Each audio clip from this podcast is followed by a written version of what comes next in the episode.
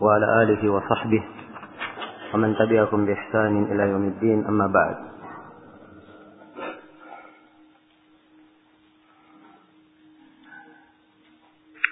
majelis yang ke Baik, ini majelis yang ke-32 dari penjelasan kitab Ad-Durar Al-Bahiyah fil Masail Al-Fiqhiyah karya Imam Asy-Syaukani rahimahullahu taala. Dan hari ini adalah hari yang ke-9 dari acara Doro Fikih kita pada kali ini. Baik, pagi hari ini insyaallah taala kita akan membaca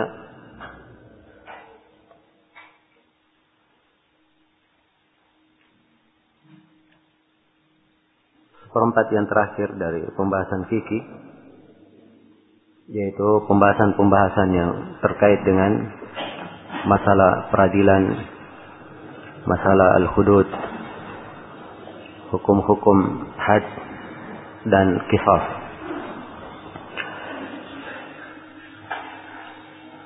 Berkata Imam Masyukani rahimahullahu taala, Kitabul Qada.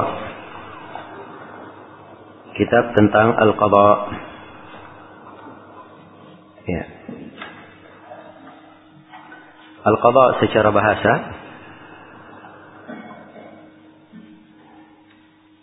artinya adalah ihkamu syai' wal faragu minhu. Menyempurnakan sesuatu dan selesai darinya.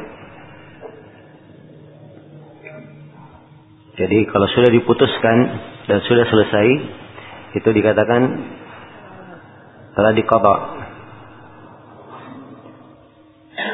Seperti penggunaan qada dengan makna bahasa ini dalam Al-Qur'an faqadahunna sab'a samawatin fi yawmain. Maka diqada'lah penciptaan langit ini penciptaan tujuh langit fi yawmain pada dua hari. Jadi qada penciptaannya yaitu telah selesai dalam apa? Dua hari. Ya. Tidak ada mana lain dari mana al-qada. Cuman ini yang terkait dengan pembahasan kita. Dan secara istilah al-qada adalah tadyin, tadyin al-hukm syar'i wal ilzamu bihi wa fasl al-khusumat. Cara istilah yang diinginkan dengan al-qada adalah penjelasan hukum syar'i penjelasan hukum syar'i dan pengharusan untuk memegangnya mengambilnya serta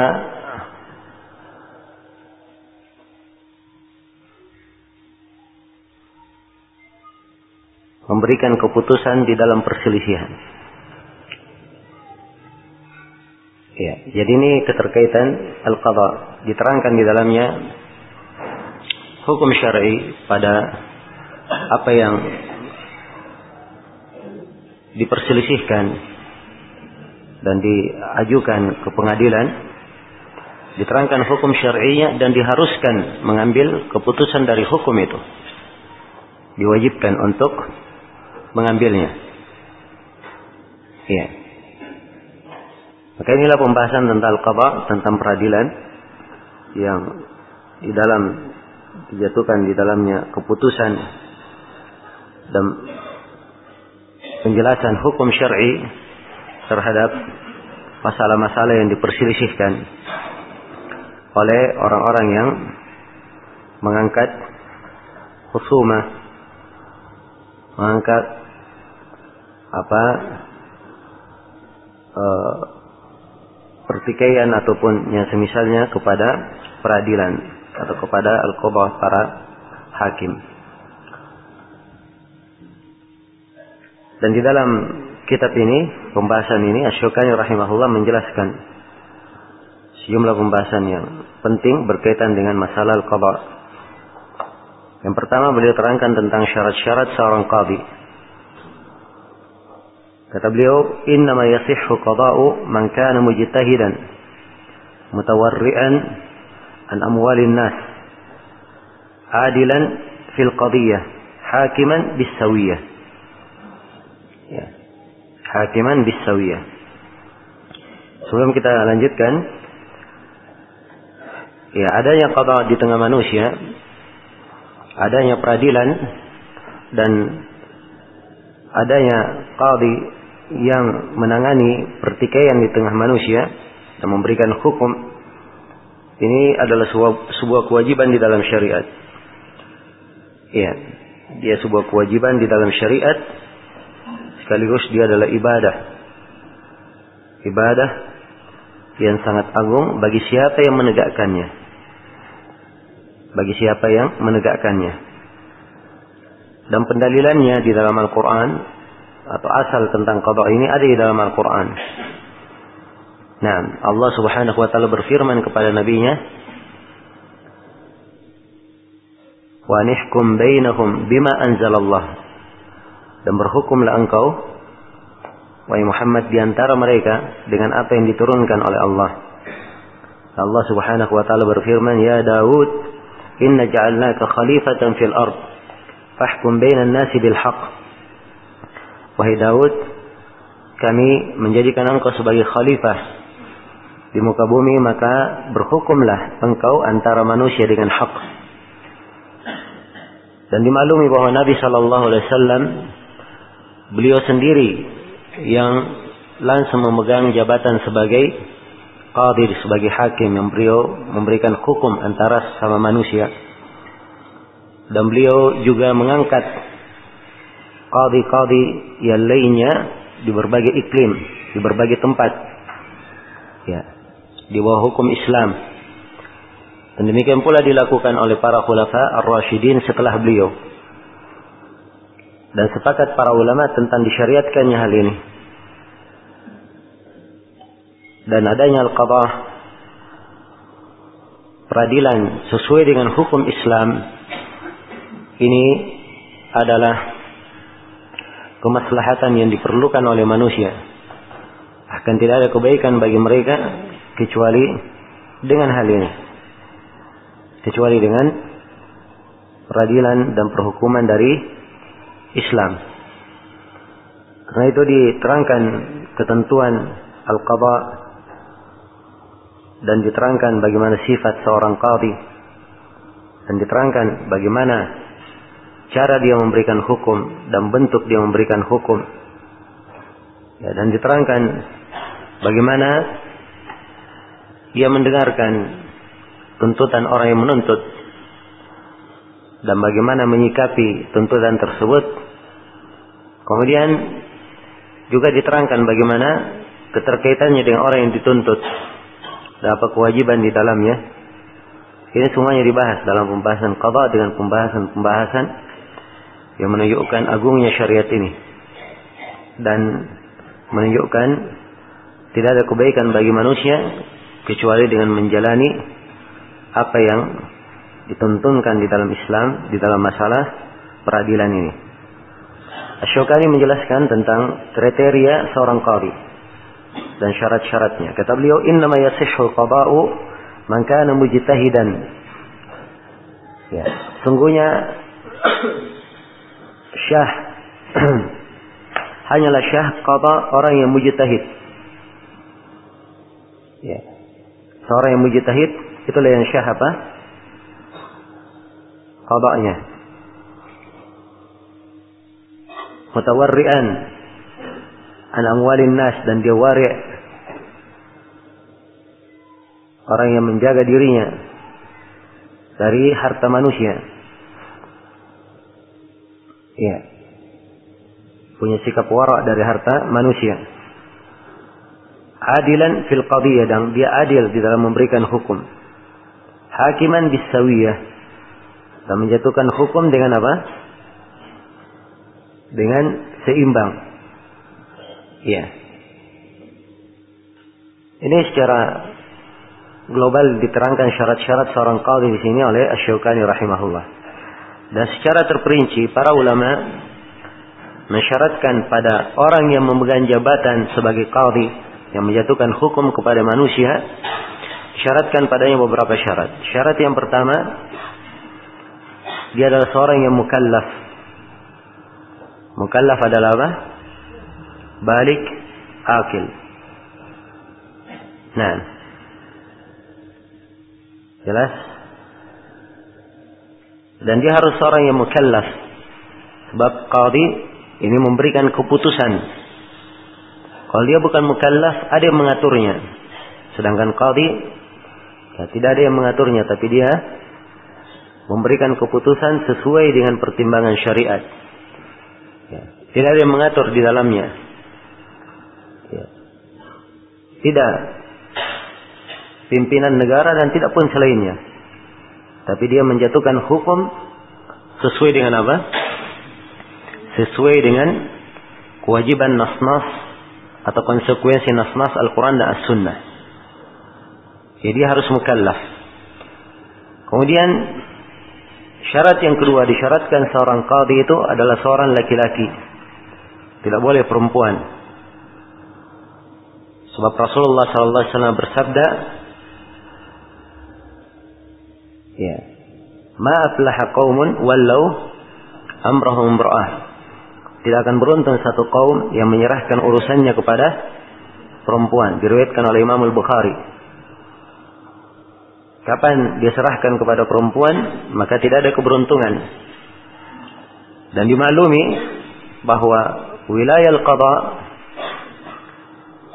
seorang qadi dia harus punya sikap ketegasan ya, ketegasan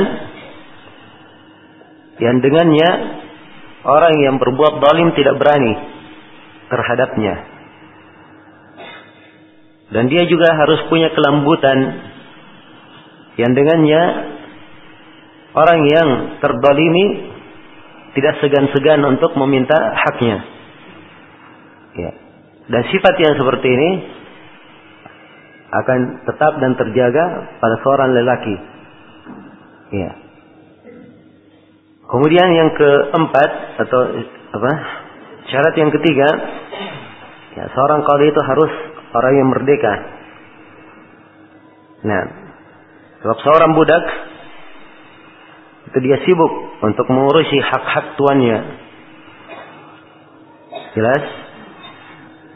Maka disyaratkan dia adalah seorang yang merdeka. Kemudian syarat yang ketiga, hah? Baik syarat yang keempat, dia adalah seorang muslim. Dia adalah seorang muslim. Ya. Sebab keislaman adalah syarat adalah seorang yang adil dan di dalam peradilan itu menampakkan di dalamnya ketinggian Islam dan syariatnya.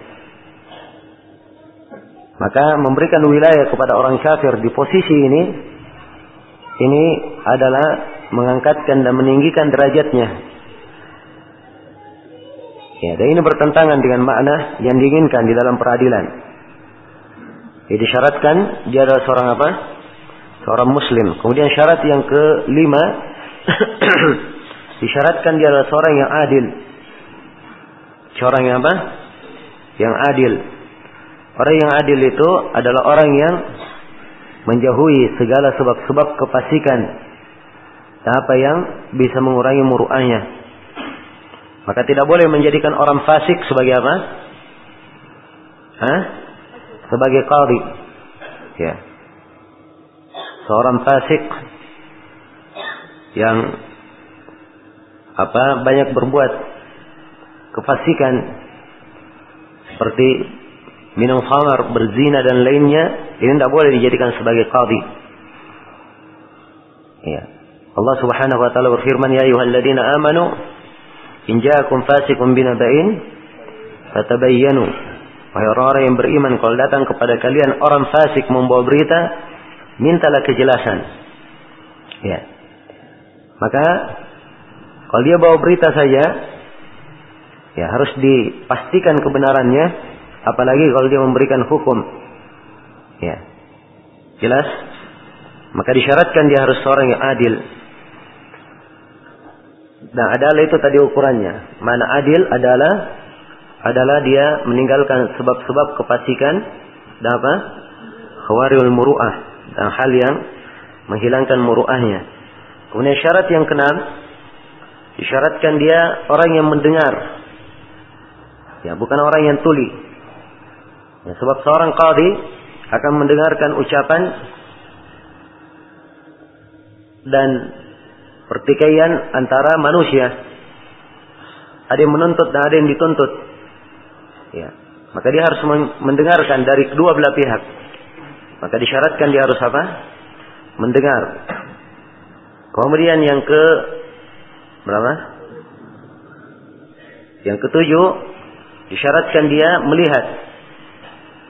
Ya, disyaratkan dia melihat. Sebab orang yang tidak melihat dia tidak mengetahui yang mana yang dituntut dan mana yang menuntut. Ya.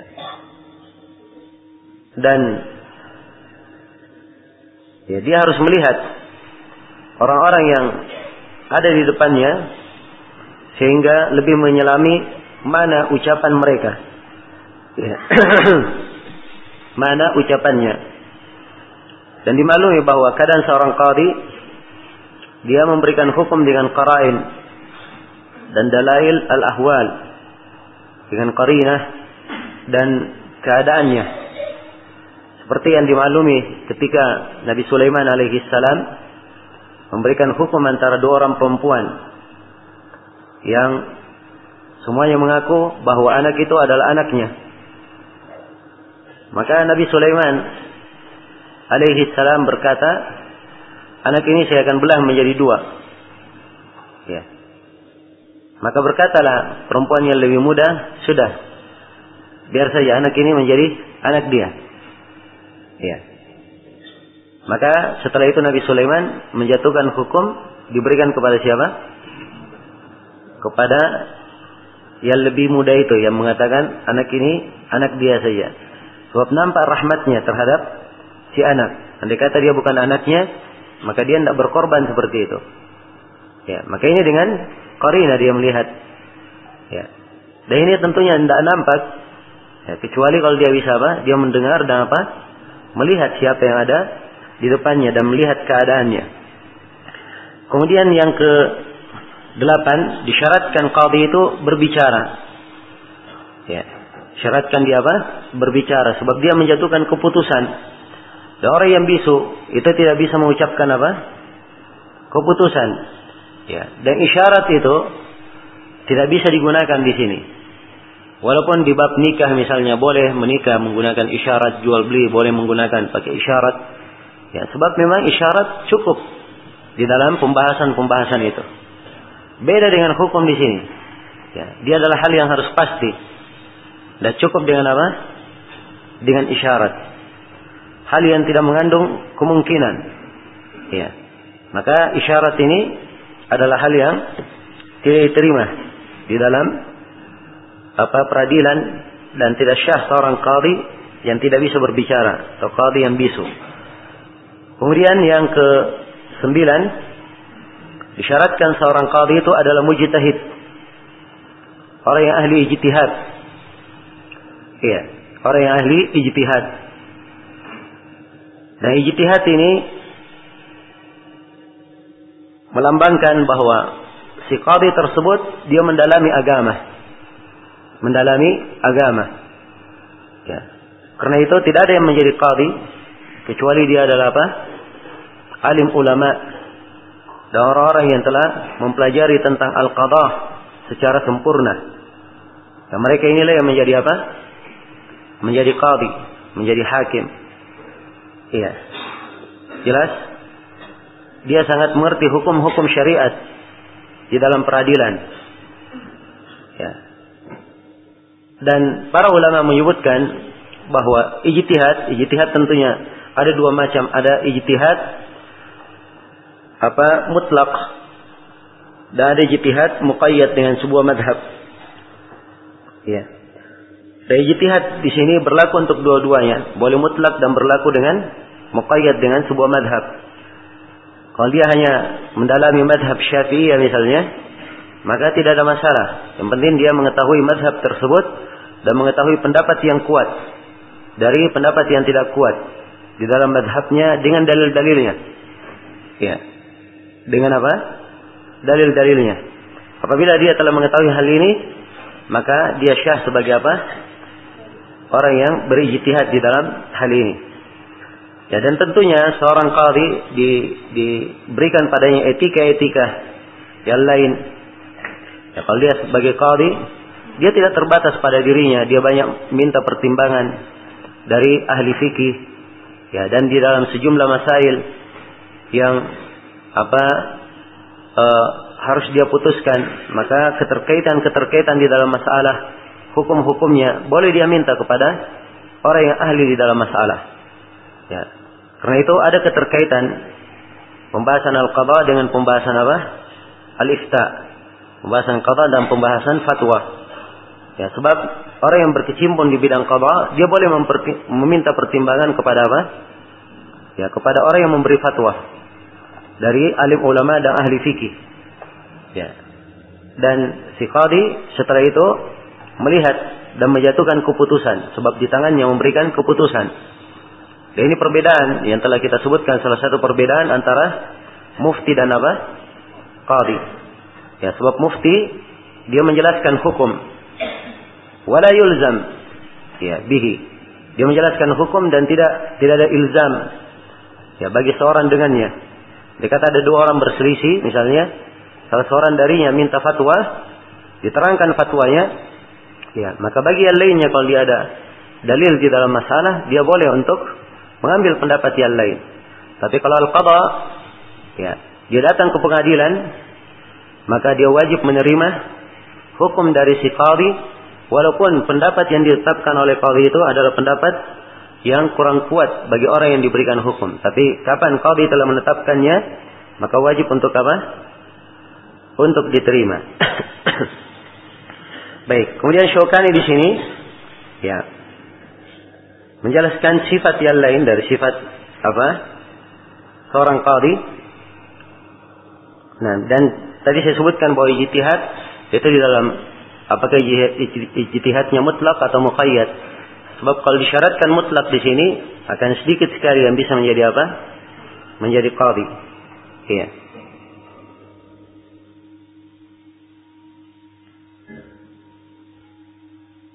Nah, dan Syekhul Islam Ibn Taimiyah menyebutkan bahwa syarat-syarat yang disebut itu dianggap sesuai dengan al-imkan. Ya. Sesuai dengan kemungkinan dan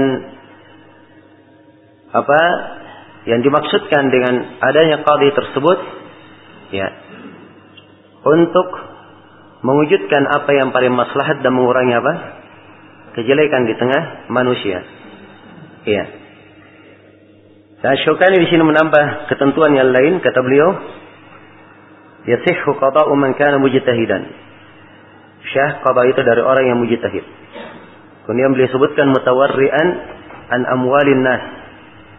Dia wara dari apa? Harta manusia. Ya, ini sifat seorang qadhi. Dia harus punya wara dari harta manusia.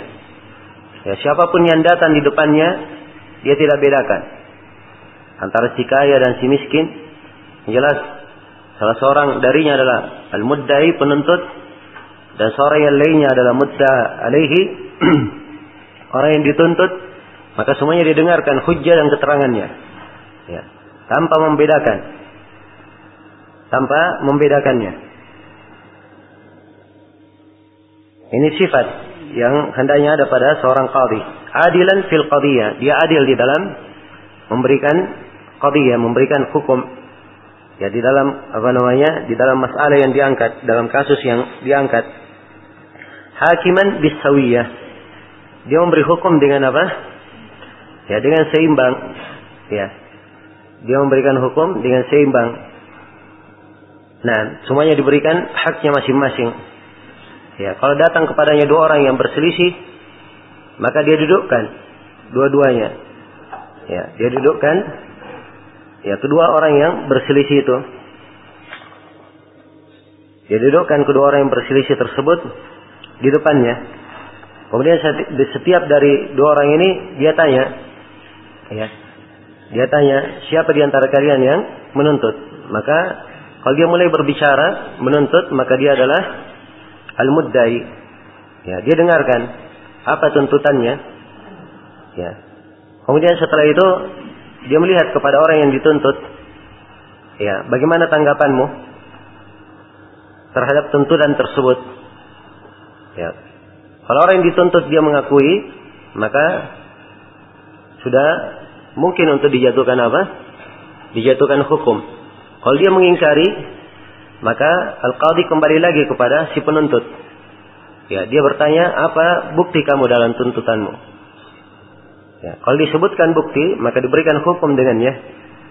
Kalau tidak, maka dia beralih kepada orang yang dituntut. Dia minta agar supaya dia apa?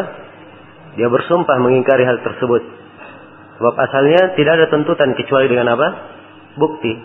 Dan orang yang dituntut cukup dengan dia bersumpah itu sudah menunjukkan dia apa? Terbebas dari tuntutan. Ya. Maka ini sekilas bagaimana diperlakukan dengan adil. Dia memberikan hukum dengan seimbang.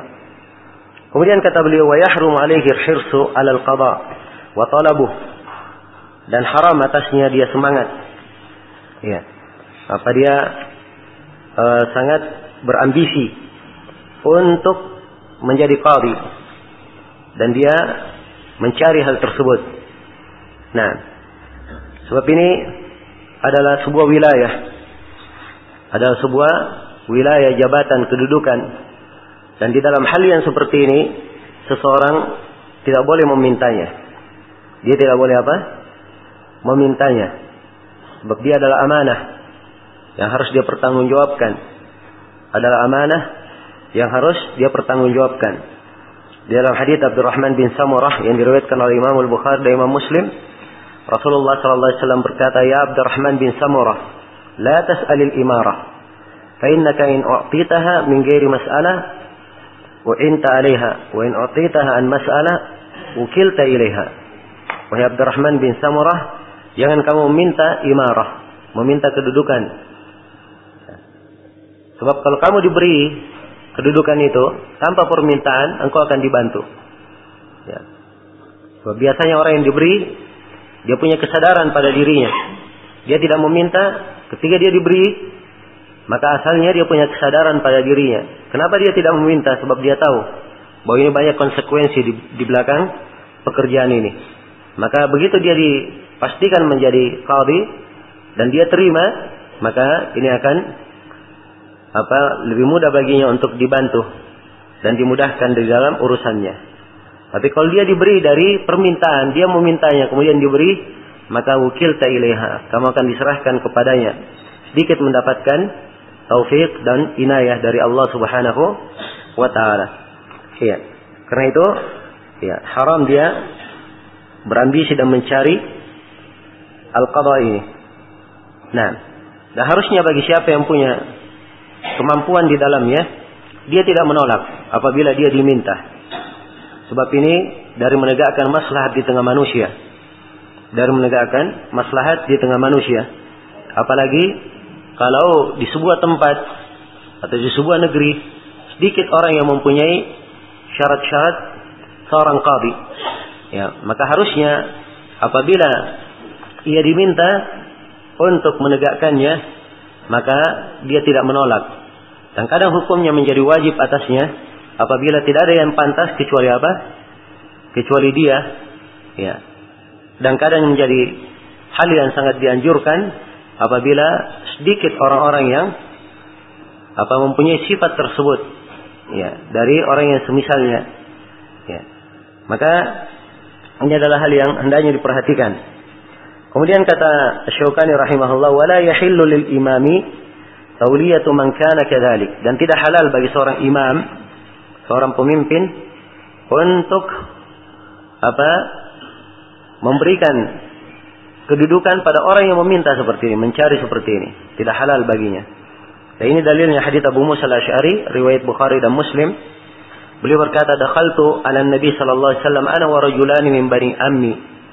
Saya masuk kepada Nabi sallallahu alaihi wasallam saya dan dua orang lelaki dari apa anak-anak pamanku ya maksudnya sama keluarga faqala ahaduhuma maka Dua orang ini salah seorang, salah seorang dari keduanya berkata, "Ya Rasulullah, wahai Rasulullah, amirna ala ba'di ma wallakallahu azza wa jal." Ya, katanya ya Rasulullah berikan kami imarah kedudukan pada sebagian ya Allah berikan jadikan engkau apa menguasainya ya dan berkedudukan di atas wilayah itu. Wa qala al-akharu mislu Dan orang yang kedua juga berucap seperti dengan itu. Sama, dia juga minta. Maka Nabi bersabda, Inna wallahi la nuwalli hadal amal ahadan yas'aluhu atau ahadan yahrisu alaihi. Kata beliau, kami demi Allah ya, tidak akan memberikan pekerjaan ini kepada seorang yang memintanya atau seorang yang semangat terhadapnya. Ya, perhatikan ya. Ini bagaimana? Ya, tabiat Rasulullah sallallahu alaihi wasallam dalam kondisi yang seperti ini. Sebagai seorang qadhi, beliau tegas.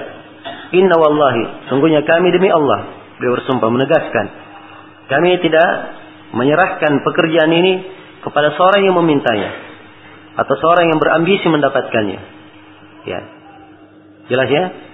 Maka ini harus dia tegaskan sebab memang posisi mengharuskan seperti itu supaya menutup segala pintu bagi siapa yang memasukinya tanpa hak Ya, tidak dengan jalur yang benar. Kemudian kata beliau rahimahullah, "Wa man kana mutaakhiran lil qada, fa huwa ala khatarin 'adzim."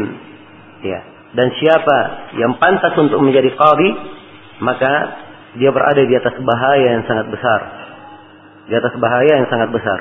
Ini peringatan terhadap siapa yang menjadi qadhi bahwa dia adalah tanggung jawab yang sangat besar sebab di dalamnya dia memberikan hukum. Di antara manusia di dalam masalah darah di dalam masalah kehormatan di dalam masalah kemaluan ya dan selainnya dari perkara-perkara yang sangat ya dibesarkan di tengah manusia. Nah, dan sini Syukani menyebutkan sebagian uh, nas-nas tentang bahaya uh, tentang hal yang harusnya diperhatikan oleh seorang qadi ya dan jangan dia bergampangan dengan hal ini. Ya beliau sebutkan sebagian hadis seperti man ju'ila qadiyan bainan nas faqad dubiha bi ghairi sikkin. Siapa yang dijadikan qadhi antara manusia, maka seperti seakan-akan dia disembelih tanpa pisau. Ya. Tapi ini hadisnya ada kelemahan. Dan mungkin di antara hadis yang paling bagus untuk diingatkan dengannya adalah sabda Nabi Shallallahu Alaihi Wasallam dalam hadis Buraidah. Ya. Dalam hadis Buraidah di mana Nabi Shallallahu Alaihi Wasallam bersabda, Al-Qudha salasa. Ya. Al-Qudha salasa. Hakim itu ada tiga. Wahidun fil jannah wa ithnani fil nar. Satu di sorga dan dua di neraka. Satu di sorga dan dua apa? Di neraka. Nah, diterangkan siapa yang di sorga. Amma alladhi fil jannah farajulun arafa al-haq faqadha bih. Adapun yang berada di sorga seorang yang mengetahui yang hak. Lalu dia menjatuhkan hukum dengannya. Kemudian yang kedua, warajulun arafal haq wajara fil hukmi. Ya, fahuwa finnar. Seorang yang mengetahui yang hak tapi dia melenceng dari hukum itu. Maka dia di neraka. Orang yang ketiga, warajulun qadha nasi ala jahlin fahuwa finnar. Dan seorang yang memberikan qada di antara manusia di atas kejahilan maka dia juga di mana? Di neraka. Ini hadis disahihkan oleh Syekh Al-Albani dari seluruh jalan-jalannya. Ini menunjukkan pentingnya seorang qadi itu memperhatikan keberadaan dirinya. Ya kalau dia menunaikan amanah menunaikan tugasnya sebagaimana mestinya maka insyaallah taala dia ini yang disebutkan ya sebagai qadhi yang berada di mana? Di sorga. Dia mengetahui yang hak dan berhukum dengannya. Ya. Tapi kalau dia selain daripada itu, maka ini adalah bahaya yang sangat besar. Bahaya yang sangat besar. Nah, karena itu dimaklumi dalam sejarah banyak dari para ulama kita yang diminta untuk menjadi qadhi, tetapi mereka menolak hal tersebut menolak hal tersebut.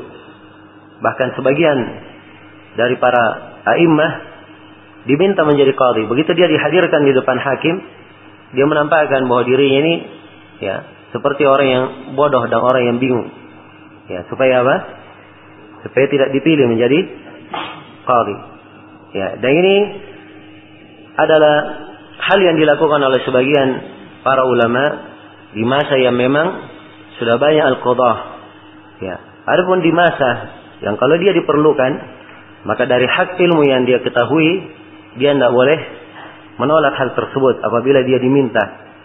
Ya, sebab kalau tidak ada yang masuk di dalamnya kecuali orang-orang yang baik semisal dengannya, ya, dengan alim yang diminta itu, maka siapa lagi yang masuk di dalamnya?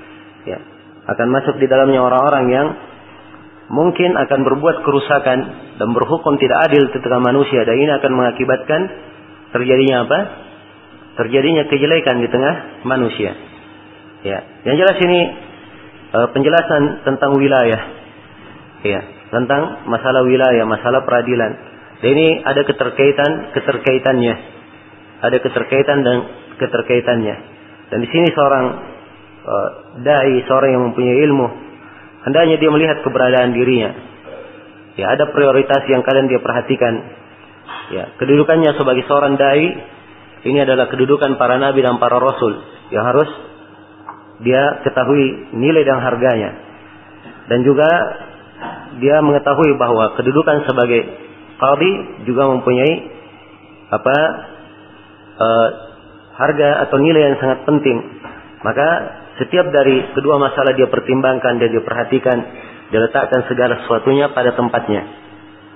Kemudian beliau katakan di sini kata Syaukani rahimahullah, "Walahu ma'al isabati ajran wa ma'al khata ajrun illam ya'lu juhdan fil bahth." Ya. Kata beliau dan al-qadhi al-qadhi ini dia akan mendapatkan dua pahala kalau dia benar dalam apa? Dalam hukumnya, dia mendapatkan dua pahala. Ya. Dan apabila wa mal khata ajr, kalau dia bersalah maka atau dia salah di dalam hukumnya, maka dia dapat apa? Satu pahala. Dan ini telah syah di dalam hadis Amr bin As yang diriwayatkan oleh Imam Al-Bukhari Imam Muslim, Rasulullah sallallahu alaihi wasallam bersabda, "Idza jatahada al-hakim fa'asaba falahu ajran wa ini jitahada fa akhta'a falahu ajrun. Apabila seorang hakim berijtihad ya perhatikan kalimatnya ya berapa? Berijtihad. Ya bukan sembarang menghukum saja tapi dia berijtihad. Ya maka kalau dia benar dalam hukumnya dia dapat apa? Dia dapat dua pahala.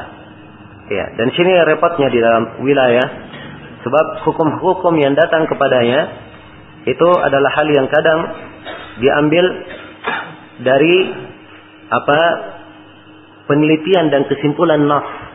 Ya, bukan naf secara tersurat ya hukum-hukum tersebut.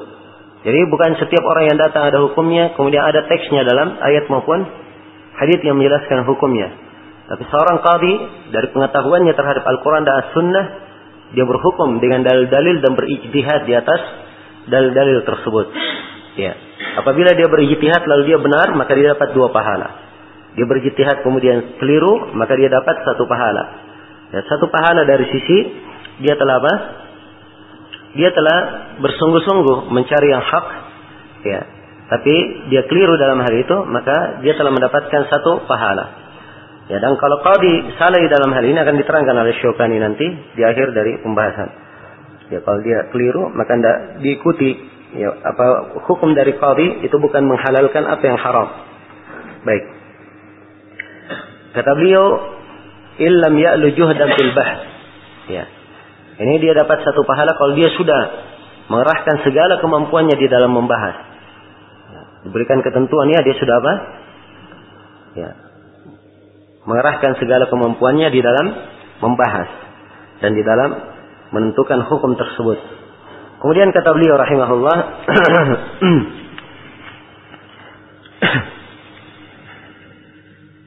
Ya. Kemudian kata Syaukani rahimahullah, "Wa tahrum alaihi rishwah." Dan diharamkan seorang qadhi itu menerima rishwah. Ya. Menerima rishwah.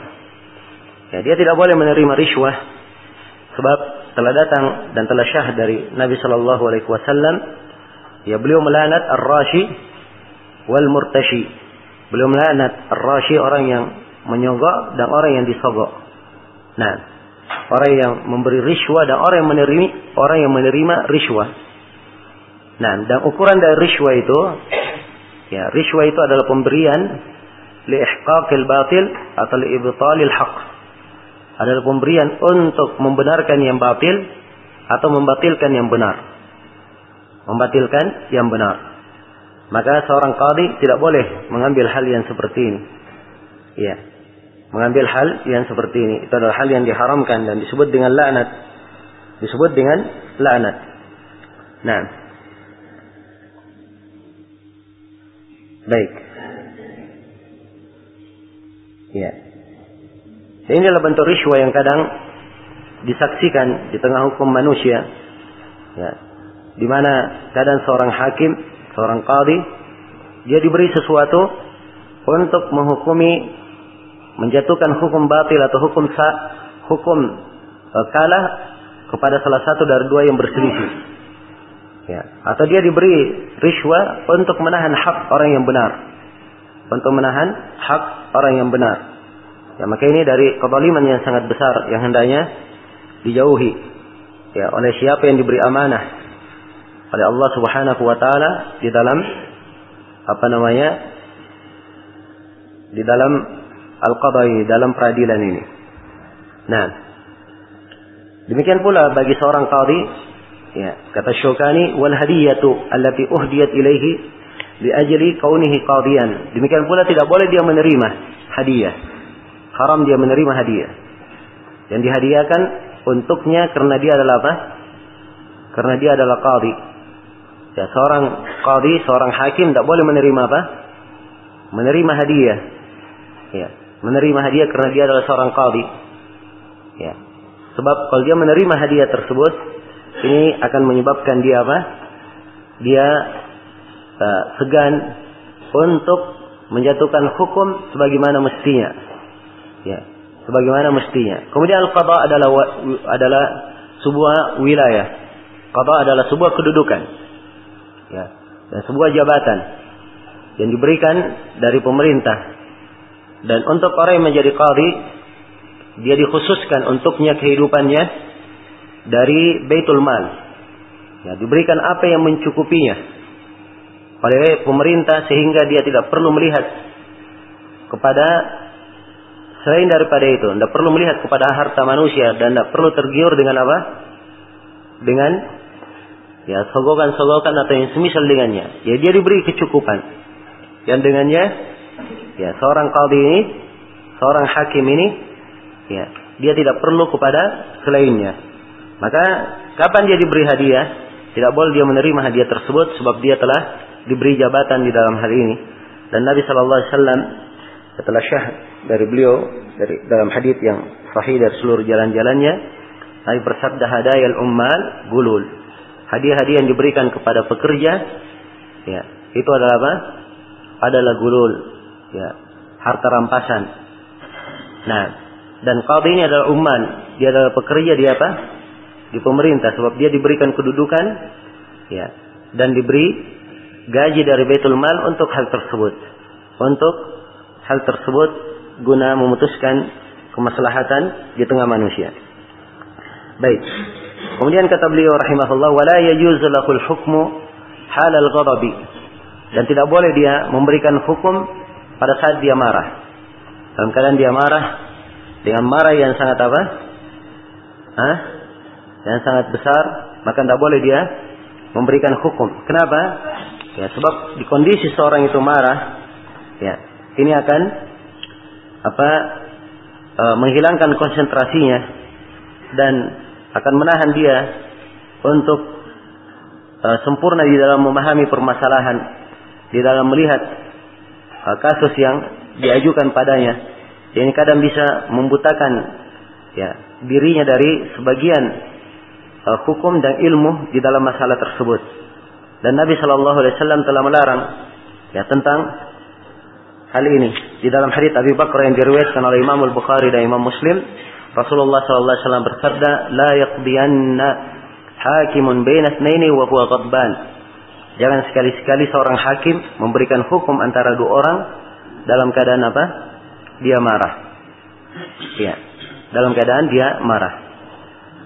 Dan ini hadis tidak bertentangan dengan apa yang datang dari Rasulullah sallallahu alaihi wasallam juga dalam riwayat Bukhari dan Muslim dari Az-Zubair bin Awam bahwa Zubair pernah bertikai atau pernah berselisih dengan dengan seorang Ansar, seorang dari Al-Ansar. Maka Nabi sallallahu alaihi wasallam kepada berkata kepada Zubair yang tentang masalah air. Isqi ya Zubair, thumma arsilil ma ila akhika. Ya. Berilah ya, alirilah apa kebunmu wahai Zubair kemudian kirim kepada saudaramu. Nah, jadi itu hukum yang diberikan oleh siapa? Nabi Shallallahu Alaihi Wasallam. Fakatibal Ansar. Maka Ansar ini, fakatibal Ansari, Ansar ini pun marah. Dia berkata ya Rasulullah, ankana ibnu ammatik, ankana ibnu ammatik. Ya, apakah karena dia adalah anak dari bibimu? Maka fatalawwana wajhu Rasulullah sallallahu alaihi wasallam. Maka berubahlah wajah Nabi sallallahu alaihi wasallam. Maksudnya beliau apa? Beliau marah dalam hal ini. Kemudian beliau berkata, "Iski Zubair, thumma hbisil ma hatta yarji ila al-jadr." Ya. Apa? Alirilah wahai Zubair ke atau sawah, ke kebunmu atau lahanmu, kemudian tahanlah air sampai dia kembali ke jadr. Ya, maksudnya jangan alirkan ke tempatnya. Ini hukum yang dijatuhkan oleh Nabi ya, sallallahu alaihi wasallam tatkala si Ansari ini yang berucap seperti itu. Nah, ini pembahasannya ya dia masuk ke dalam pembahasan takzir ya yang akan datang insyaallah taala di pembahasan hudud. Nah, jelas ya, kadang seorang uh, pimpinan negara yang melakukan hal yang seperti itu. Jadi kejadian yang disebut di sini ini adalah kejadian khusus pada keadaan tertentu. Tidak bisa dia diambil hukum umum sehingga dikatakan seorang qadi boleh memberi hukum dalam keadaan dia apa? Dia marah. Asalnya seorang qadi tidak boleh dia memberi hukum dalam keadaan dia apa? Dia marah. Nah, kalaupun ada bentuk kemarahan padanya, maka ya dilihat apa apa yang telah dia jatuhkan, kalau itu mencocoki kebenaran, maka itu adalah hal yang hendaknya diterima. Baik. Kemudian kata beliau rahimahullahu taala, wa alaihi taswiya bainal khasmaini. Ya, dan hendaknya dia apa menyamakan antara dua al-khasmain antara dua yang berselisih, dua yang bertikai di antara si penuntut dan yang menuntut, antara si penuntut dan yang dituntut. Ya, dia samakan. Illa idza kana ahaduhuma kafiran. Kecuali kalau salah seorang dari keduanya adalah apa? Kafir. Ya. Wassama minhuma qabla al-qada. Ya, harus disamakan mendengar darinya sebelum apa? sebelum melakukan qada. Dua-duanya didengarkan. Ya, apa argumennya masing-masing. Nah, wa tashilul hijab bihasbil imkan. Ya, dan memudahkan hijab. Memudahkan hijab maksudnya seorang qadi dia buka ya tempatnya ya sesuai dengan kemampuannya. Dia berusaha untuk apa? Ya, membuka dirinya. Membuka dirinya. Ya, karena itu para ulama sebutkan bahwa seorang qadi hendaknya di apa dia itu ya tempat dia memberikan qada ya. Dan peradilan itu tempatnya di tengah kota supaya semua orang bisa datang ke situ. Semua orang bisa datang ke situ. Dan seorang qadi disebutkan boleh dia memberi hukum di masjid. Ya, sebab ini telah dilakukan oleh Nabi dan para sahabatnya. Mereka memberikan beberapa keputusan qada di masjid menunjukkan bahwa ada ya mereka membuka di dalam hal ini. Ya, dan Nabi Shallallahu Alaihi Wasallam juga ya apa telah menunjukkan hal ini dalam hadisnya. Sebab siapa pun yang punya masalah dia datang kepada Nabi Shallallahu Alaihi Wasallam walaupun beliau berada di rumahnya. Walaupun beliau berada di rumahnya. Nah tetapi ingat bahwa di dalam masalah qada ini harus dijaga. Harus hadir al khasmaini dua dua orang yang berselisih dihadirkan. Kalau memang uh, didengar dari dua orang yang berselisih, kalau dia diharuskan dua-duanya langsung hadir di depannya, maka dia hadirkan dua-duanya di depannya.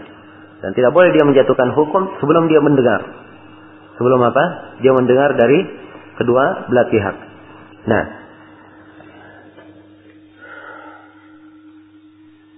baik. Kemudian kata beliau, rahimahullah, wa yajuzu lahu ittikhad al-a'wan mal hajah. Dan boleh bagi seorang qadi dia membuat awan pembantu-pembantu kalau diperlukan. Ya. Nah, sebab fitnahnya banyak di kedudukannya sebagai apa? Sebagai qadi. Ya. Kalau dia melakukan pekerjaannya sendiri. Ya. Di dalam hadis yang diriwayatkan oleh Imam Al-Bukhari dari Anas bin Malik, Qais bin Sa'ad dia berada di depan Rasulullah sallallahu alaihi wasallam. Itu seperti apa? Seperti uh, tentara dari uh, seperti seorang uh, apa pengawal ya terhadap siapa? Terhadap amirnya, terhadap pimpinannya. Ya, terus dia menjaga dan berada di sisi Rasulullah sallallahu alaihi wasallam. Bahkan disebutkan oleh sebagian para ulama bahwa seorang qadi itu dia makruh, dia langsung sendiri yang melakukan membeli atau apa? menjual. Ya, tapi dia wakilkan kepada orang. Ya, diwakilkan kepada orang. Dikhawatirkan kalau dia membeli atau menjual, ya, kedudukannya sebagai qadi kadang membuat apa? fitnah untuk dirinya dan fitnah untuk orang lain. Ya. Jadi fitnah untuk dirinya dan fitnah untuk orang lain. Nah, kemudian kata beliau rahimahullah, wasyafaat dan boleh dia memberi syafaat. Boleh dia memberi syafaat. Ya. Sebagaimana yang telah kita sebutkan di pembahasan as-suluh. Ya, syafaat yang bagaimana di dalam kisah Ka'ab bin Malik. Nah, Nabi Shallallahu alaihi wasallam memberikan syafaat agar supaya orang yang berhutang itu tadi, orang yang berhutang, dua orang yang berselisih dan salah seorang dituntut, maka Nabi berikan arahkan mereka supaya apa? Supaya orang yang berhutang ini digugurkan seperdua dari hutangnya. Nah, ini bentuk dari syafaat. Diperjelas lagi oleh Syukani wal istidha. Al istidha itu dia meminta untuk menjatuhkan apa? Sebagian perkara.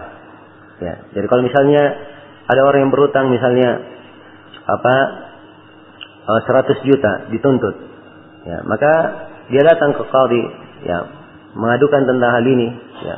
Mungkin salah seorang darinya mengingkari hal itu atau dia apa e, merasa berat langsung membayarnya, maka boleh saja seorang qadi mengatakan dan memberikan usulan agar supaya sebagian dari hutangnya apa? Ya, di dianggap lunas atau diletakkan. Dia membayar sebagiannya saja. Demikian pula kata Syukani wal irsyad ila sulh dan boleh ya seorang qadhi itu memberikan irsyad, memberikan arahan untuk apa? Untuk sulh. Dan ini sudah berlalu ya di pembahasan apa? Di pembahasan as-sulh. Ya. Dan saya sudah terangkan di pembahasan as-sulh itu itu banyak sekali keterkaitannya. Ya. Dan masuk juga di dalam pembahasan apa? Pembahasan al-qadha ini. Ya, boleh diberikan hal e, diarahkan kepada suluh didamaikan kalau memang itu memungkinkan. Dan Allah telah berfirman wasulhu khair. Ya, dan perdamaian itu sulh itu lebih apa? Lebih baik. Nah, kemudian kata beliau rahimahullah wa hukmuhu yanfudhu zahiran faqat.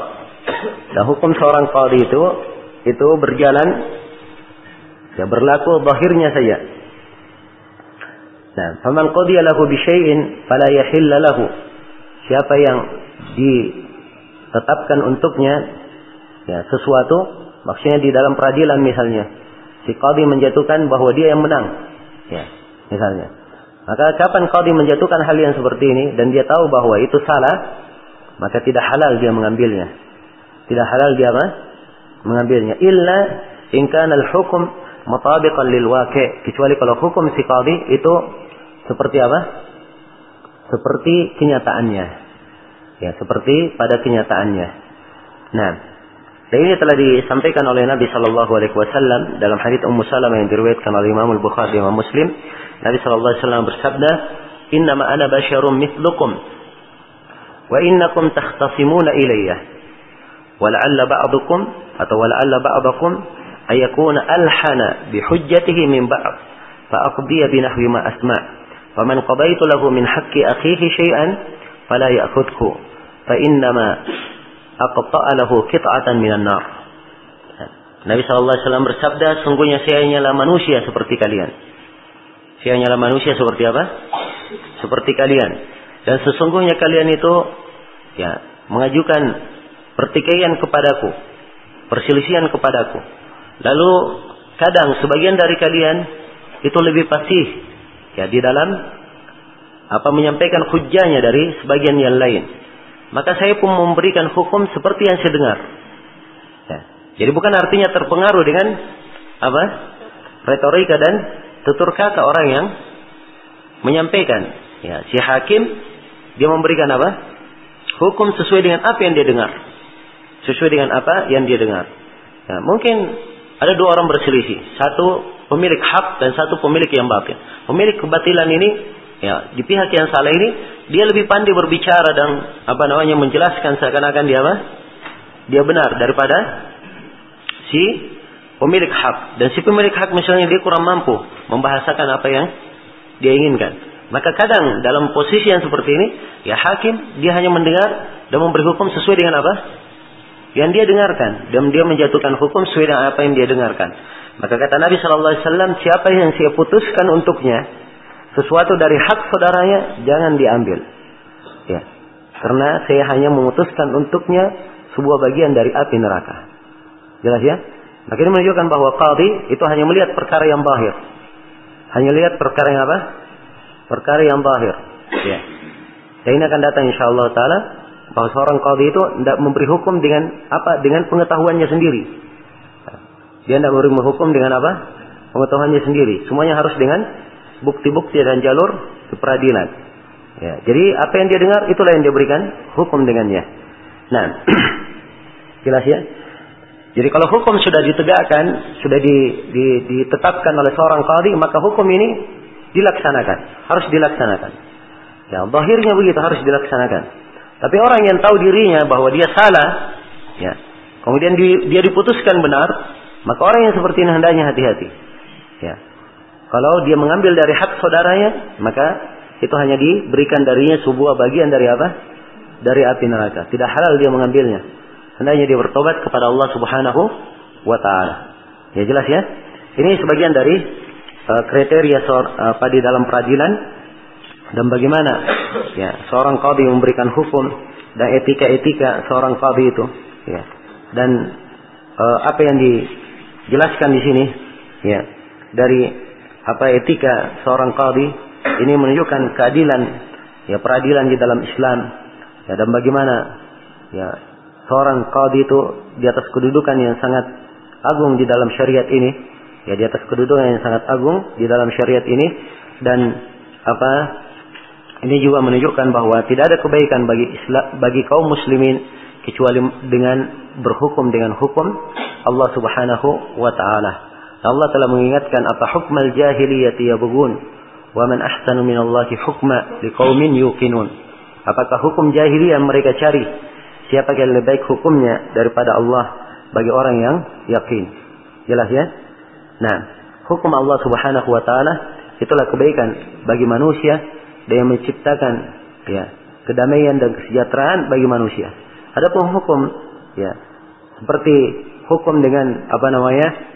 dengan peraturan dan undang-undang buatan manusia, maka ini tidak akan mendapatkan, tidak akan mendatangkan kebaikan, tidak akan mendatangkan kebaikan dan tidak akan mendatangkan kemaslahatan bagi manusia.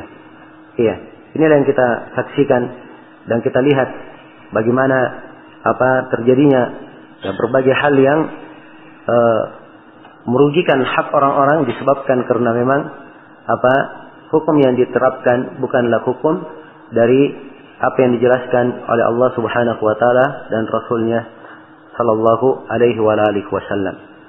Baik. Kemudian berikutnya kata Syukani rahimahullah kitabul khusuma wal bayyina wal ikrar. Penjelasan tentang al khusumah. Nah, ini tentang apa? Tentang khusumah, tentang pertikaian. Ya. Seorang berkhusumah, ya, mengangkat kasus, mengangkat apa namanya? perkara yang akan di perkarakan. Nah, wal dan tentang bukti. Sebab di dalam tuntutan itu harus ada bukti. Wal dan tentang pengakuan. Pengakuan. Ya, dia mengakui dan mengikrar apa yang di apa di, dituduhkan padanya kalau dia mengakuinya. Dan ini akan kita terangkan ketentuan-ketentuannya insyaallah taala. Ya, kata beliau rahimahullah, "Alal muddai al-bayyinah wa 'alal munkir al-yamin." Ya. Ini pembahasan yang pertama, kewajiban apa penuntut wajib mendatangkan bukti. Ya. Dan pengingkaran dengan sumpah bagi yang dituntut. Kalau dia tuntut, dia mengingkar dengan apa? Dengan sumpah. Dan ini diterangkan oleh Rasulullah SAW dalam sejumlah hadis. Di antaranya hadis Al-Ash'ad bin Qais, riwayat Bukhari dan Muslim. Nabi SAW bersabda, "Syahidaka au yaminuhu." Dua saksi engkau atau apa? Atau yaminu. Ya. Dua saksi atau ya, sumpah dia. Jadi orang yang menuntut dia bawakan apa? Dia bawakan bayinah. Ya. Dan salah satu bentuk bayinah dia membawa dua saksi. Ya. Jelas ya? Dia membawa dua saksi. Atau kalau tidak maka yaminuhu, dia bersumpah. Orang yang dituntut apa? Dia bersumpah. Nah, dan kisah yang disebutkan oleh Imam Muslim dari sahabat Wail bin Hujur bahwa Nabi memberikan hukum antara dua orang. Ya, hukum antara dua orang. Ya, antara seorang Hadrami dan seorang Kindi. Ya, seorang Hadrami dan seorang Kindi. Dua-duanya dari Yaman. Hadrami ya dan Kinda itu berdekatan. Maka apa qala Hadrami? Maka si Hadrami berkata, ya. Apa Ya Rasulullah inna hadha Galabani ala ardin li. Si Hadrami berkata, Ya Rasulullah, sungguhnya ini ya telah merampas atau telah mendominasi bumi saya atau tanah saya. Maksudnya dia menduduki tanah saya. Ya. Maka kata Al-Kindi, ya, itu ucapan Al-Hadrami. Kata Al-Kindi, ardi wa fi yadi wa laysa lahu fiha haq. Kata Al-Kindi dia adalah tanahku, lahanku. Ya, berada di tanganku, saya yang sekarang yang mendudukinya. Dan dia tidak punya padanya hak. Ya. Jadi ini dua orang menuntut pada apa? Kasus apa? Ya, kasus tanah. Ya. Tanah ini sedang diduduki oleh siapa? Al-Kindi. Datang Habar yang berkata, Ya Rasulullah itu adalah tanah saya, lahan saya. Ya. Orang ini menduduki kepemilikanku. Maka Nabi berkata kepada Hadrami, sekarang dia menuntut. Kan begitu? Dia menuntut. Ya. Jadi pertama dia datang menuntut, dia sampaikan tuntutan. Setelah itu Nabi melihat kepada Al-Kindi. Ya. Orang yang dituntut. Makanya yang, yang dituntut ternyata mengingkari. Ternyata apa? Mengingkari. Ya, karena dia mengingkari, maka Nabi balik lagi kepada yang menuntut. Ya, kepada Syekh Hadrami. Ala kabayinah. Kamu punya bukti? Ya, jelas ya? Harus dimintai bayinah. Nah, maka dia berkata, lah, saya tidak punya bukti. Baik, kalau dia tidak punya bukti, berarti apa? Ya. Pindah kepada orang yang dituntut.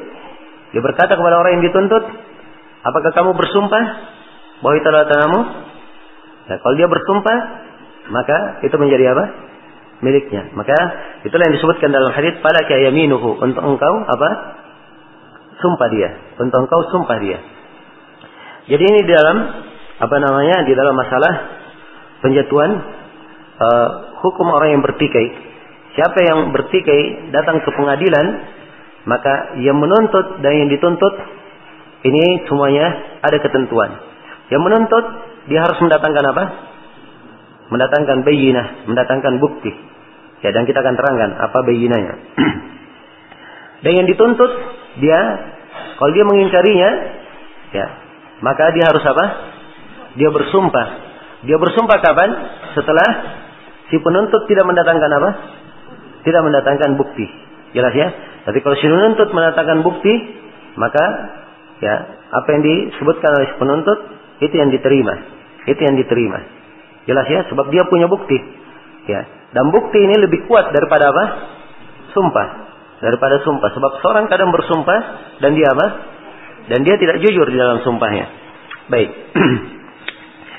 Kemudian Syaukani di sini lebih memperjelas ya bagaimana seorang hakim itu menerima ya atau menjatuhkan hukum. Kata beliau wa yahkumul hakim ya. Ini pembahasan yang ketiga ya dengan apa seorang hakim menetapkan hukum.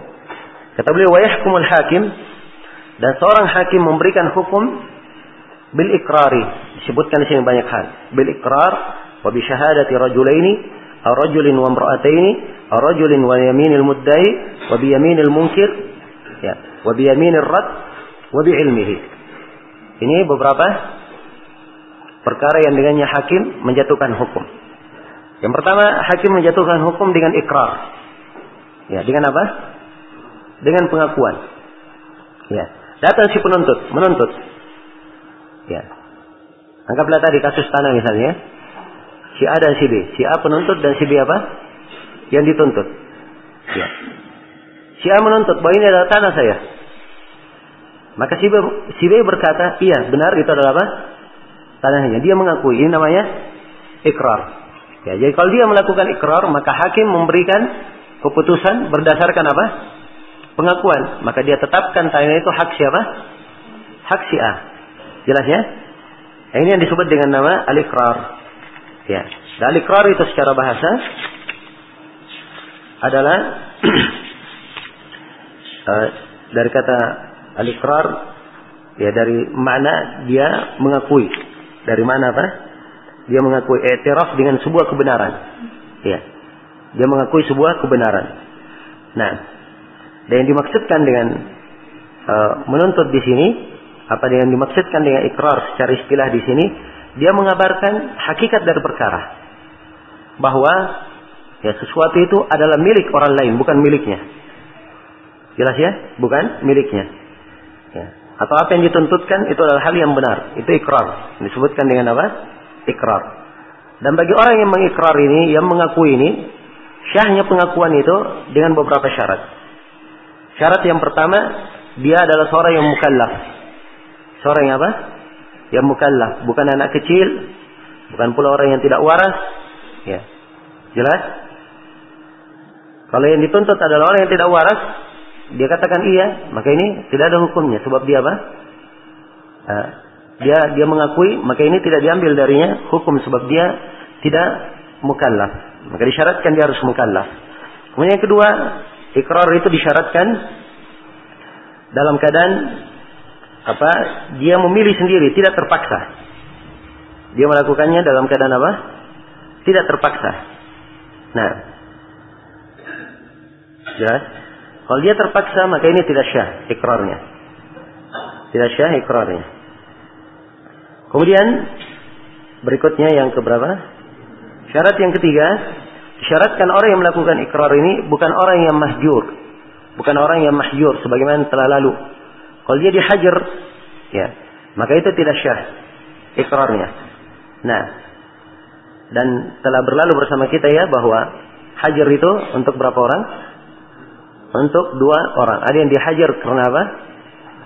Kemaslahatan orang lain dan ada yang dihajar karena apa? Kemaslahatan dirinya. Nah, ini yang dimaksud. Dia bukan yang dihajar, maksudnya bentuk yang kedua. Dia tidak dihajar karena apa?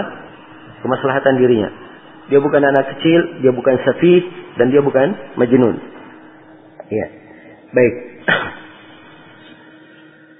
Kemudian yang keempat dari syarat ikrar, ya. Dari syarat syahnya ikrar, dia tidak mengakui sesuatu yang merupakan milik orang lain. Ya, dia jangan memberikan pengakuan ya, terhadap sesuatu yang milik apa? Milik orang lain. Baik. Ini dari ketentuan ikrar. Ya. Jadi kapan dia telah apa menyetujuinya, dia telah mengikrarnya, maka si hakim memberikan keputusan dengan apa? Dengan ikrar. Ya, jelas ya? Dan tentunya itu ada penetapan di pengadilan. Seorang datang kepada hakim, satu penuntut, satu yang dituntut. Ya, penuntut menyampaikan tuntutan. Nah, si penuntut langsung mengakui benar semua tuntutannya. Maka si hakim akan ya menulis tulisan bahwa telah uh, pasti di sisi saya fulan fulan datang berhukum dan telah pasti bahwa ini adalah milik si fulan dengan pengakuannya dengan ikrarnya kemudian ada tentunya apa eh, hal-hal yang dilakukan sehingga ya tetap di situ bahwa pengakuannya sudah tertuliskan sebagai bentuk hukum. Nah, yang ditetapkan. Jadi yang pertama dengan ikrar. Kemudian yang kedua, wa bisyahadati rajulaini. Ya, dengan persaksian apa? Dua orang lelaki. Ya. Dan ini berdasarkan firman Allah Subhanahu wa taala ya, di dalam nas Al-Qur'an. Apa? Mimman tardawna minasyuhada. Ya, dengan persaksian dua lelaki mimman tardawna mina asyuhada. Dari siapa yang kalian ridai untuk memberikan persaksian. Ya, kemudian dikatakan fa'ilam tajidu rajulaini farajulun wa mar'atani mimman tardawna minasyuhada. Kalau kalian tidak mendapatkan dua lelaki, maka seorang perempuan, apa seorang lelaki dan apa? Dua perempuan. Ini dua sekaligus ya. Persaksian dua orang lelaki atau persaksian apa? Seorang lelaki bersama apa? Dua orang perempuan. Ya, jadi ini bayinah. Ini bentuk bayinah. Ya, si penuntut diminta bayinah. Apa bayinah engkau bahwa itu adalah milikmu? Dia datangkan saksi dua orang apa? Lelaki yang mempersaksikan. Jelas ya? Kalau tidak dua orang lelaki, maka dia datangkan seorang lelaki dan apa? Dua orang perempuan. Ini yang ketiga sudah. Jadi yang pertama dengan ikrar, yang kedua dengan persaksian dua orang lelaki, ya. Atau seorang lelaki dan dua perempuan, atau warajulin wa yaminul mudda'i. Ya, seorang lelaki ditambah dengan sumpah siapa? Si penuntut. Ya, jadi dia datangkan satu saksi, kemudian setelah itu dia bersumpah, ya, dengan nama Allah bahwa tuntutannya benar. Jelas ya? Tuntutannya benar. Ya, ini hakim cukup dengan uh, bukti ini kalau memang apa? Ini telah terpenuhi. Dalilnya adalah hadis Ibnu Abbas riwayat Muslim anna Rasulullah sallallahu alaihi wasallam qada bi yaminin wa syahid. Sungguhnya Rasulullah sallallahu alaihi wasallam memberikan uh, keputusan ya dengan sebuah sumpah dan satu saksi. Dengan sebuah sumpah dan apa? Dan satu saksi. Baik. Kemudian kata beliau rahimahullah berikutnya wa bi yaminil munkir. Ya. Demikian pula hakim itu menerima hukum atau bisa menjatuhkan hukum dengan sumpahnya orang yang mengingkari. Sumpahnya siapa? Orang yang mengingkari. Ya. Nah, jadi orang yang mengingkari dia misalnya apa uh, si penuntut tidak membawakan bukti, kemudian dia bersumpah mengingkari tuntutan tersebut. Maka dengan sumpahnya ini si hakim sudah bisa menjatuhkan putusan bahwa hak adalah milik siapa? Milik yang dituntut. Dia bisa menjatuhkan hukum bahwa hak adalah milik yang dituntut, yang dituntut. Dan ini sudah berlalu ya. Ya, walal mungkir apa? Al yamin dan bagi orang yang mengingkari dia mendatangkan apa? Dia dia ber, dia bersumpah. Walal mungkir al yamin. Ya al bayyin al muddai wa al munkir apa? Al yamin ya atas orang yang menuntut dia bawakan bayinah ya bukti dan atas orang yang mengingkari dia bersumpah. Nah, kemudian berikutnya kata Syaukani wa biyaminir rab. Ya. Dan dengan sumpah penolakan. Ya, dengan sumpah penolakan. Ini sumpah penolakan di sini yang dimaksudkan oleh Imam Syaukani mungkin salah satu dari dua hal. Nah, yang pertama adalah si uh, si siapa? Orang yang dituntut, ya. Orang yang dituntut dia tidak bersumpah di dalam hal itu. Ya dia tidak bersumpah. Tapi dia meminta kepada orang yang menuntut supaya bersumpah bahwa benar itu apa? Adalah haknya. Maka kalau dia bersumpah, maka itu boleh untuknya. Ini yamin arad. Ya, jelas ya? Ini kemungkinan yang pertama. Dan kemungkinan yang kedua yang dimaksudkan adalah raddul yamin. Dia menolak sumpah. Jadi sekarang uh, penuntut sudah menuntut. Nah, diminta bayina si penuntut, dia katakan tidak ada bayina. tidak ada apa? Tidak ada bayina, tidak ada bukti. Berarti sekarang hak siapa? Hak yang dituntut. Dia harus apa yang dituntut? Dia harus bersumpah bahwa itu miliknya. Tapi sekarang yang dituntut tidak mau bersumpah. Hah? Dia tidak mau apa? Bersumpah. Ya.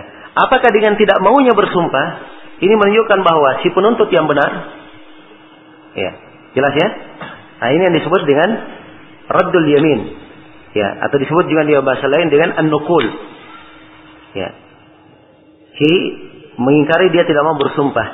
Dan kalau dia tidak mau bersumpah, maka ini hukum yang ditetapkan oleh sejumlah apa namanya sahabat dan sejumlah para a'immah bahwa apa si hakim boleh dia menetapkan hukum bagi yang menuntut. Jika yang dituntut dia tidak mau bersumpah, maka si hakim boleh menjatuhkan bahwa yang benarnya siapa? Yang benarnya adalah yang menuntut. Ya. Sebab kalau itu adalah haknya, tidak mungkin apa?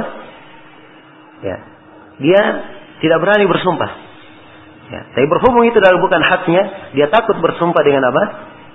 Dengan nama Allah sesuatu yang bukan miliknya, sesuatu yang bukan miliknya. Baik. Kemudian berikutnya kata beliau wabi ilmihi Ya, ini yang terakhir. Seorang hakim boleh menjatuhkan hukum dengan apa? Dengan pengetahuannya. Ya. Kata bi ilmihi dengan apa? Pengetahuannya. Sekarang si hakim tahu dua orang ini. Dia kenal dua orang ini. Ya, dan dia kenal masalah dua orang ini apa? Si hakim tahu. Jelas ya? Maka si hakim menjatuhkan hukum sesuai dengan apa? Yang dia ketahui. Ya. Tapi ini masalah diperselisihkan oleh para ulama. Asyukani beliau memandang bahwa hal ini diperbolehkan. Ya, hari ini diperbolehkan. Ya, jelas ya. Hal ini adalah hal yang diperbolehkan kalau ya dia memberikan keputusan dengan pengetahuannya dan tidak ada apa? Tidak ada tuhma di dalamnya dalam hal itu. Ya. Namun ya, berhukum dengan ilmu ini ya dengan pengetahuan ini ini ditolak oleh sejumlah para ulama. Ditolak oleh sejumlah para ulama. Sebab telah Syah dari Abu Bakar, dari Umar, dari Abdurrahman bin Auf, dari Muawiyah radhiyallahu taala anhum, semuanya adalah qadhi. Siapa yang disebutkan itu? Mereka melarang ya dari apa? Seorang qadhi memberi hukum dengan apa? Dengan pengetahuannya, melarang. Dan sahabat ini tidak ada yang menyelisihi mereka di antara para sahabat. Dan dimaklumi bahwa Nabi Shallallahu Alaihi Wasallam Ya beliau sangat mengetahui siapa yang munafik dan siapa yang seterusnya. Ya. Tapi bersamaan dengan itu beliau tidak menjatuhkan hukum kecuali dengan apa? Bukti-bukti dan kenyataan yang ada. Ya dan sudah berlalu bersama kita Nabi Shallallahu Alaihi Wasallam itu menghukumi dengan apa? Hukum zahir sebagaimana dalam hadis Ummu Salamah. Ya. Beliau memberikan hukum kata beliau Pak Abdi binahmi ma asma. Saya memberikan hukum sesuai dengan apa? yang saya dengar. Dia tidak memberikan hukum dari pengetahuannya sendiri. Ya, tidak memberi hukum dari pengetahuannya sendiri. Maka yang benarnya Allah alam bahwa berhukum dengan pengetahuan ini ini tidak layak bagi siapa? Seorang qadhi. Iya, dia harusnya ya menjatuhkan hukum dengan ketentuan yang sudah berlalu tadi. Apakah dengan ikrar atau dengan bayinah dari siapa? Si penuntut dan bayinah dari si penuntut ini apakah persaksian dua orang lelaki atau seorang lelaki bersama dua orang perempuan atau seorang apa syahid ditambah dengan apa sumpahnya orang yang menuntut ya dan qadi juga bisa menjatuhkan hukum dengan apa pengingkaran sumpah dari orang yang dituntut setelah si penuntut tidak membawakan bukti dan kemudian juga si hakim boleh menjatuhkan hukum bagi orang yang menuntut dia jatuhkan bahwa yang menang adalah orang yang menuntut apabila orang yang dituntut dia tidak mau untuk apa tidak mau untuk bersumpah. Maka ini apa keterangan-keterangan atau bentuk-bentuk ya bagaimana seorang hakim itu menjatuhkan atau menetapkan hukum.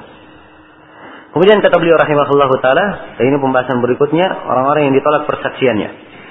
Ya, kata beliau wala tuqbalu syahadatu man laysa bi'adl. Ya. Dan tidak diterima persaksian orang yang bukan adil. Ya, ini Orang-orang yang tidak apa? Tidak diterima persaksiannya. Orang-orang yang tidak diterima persaksiannya.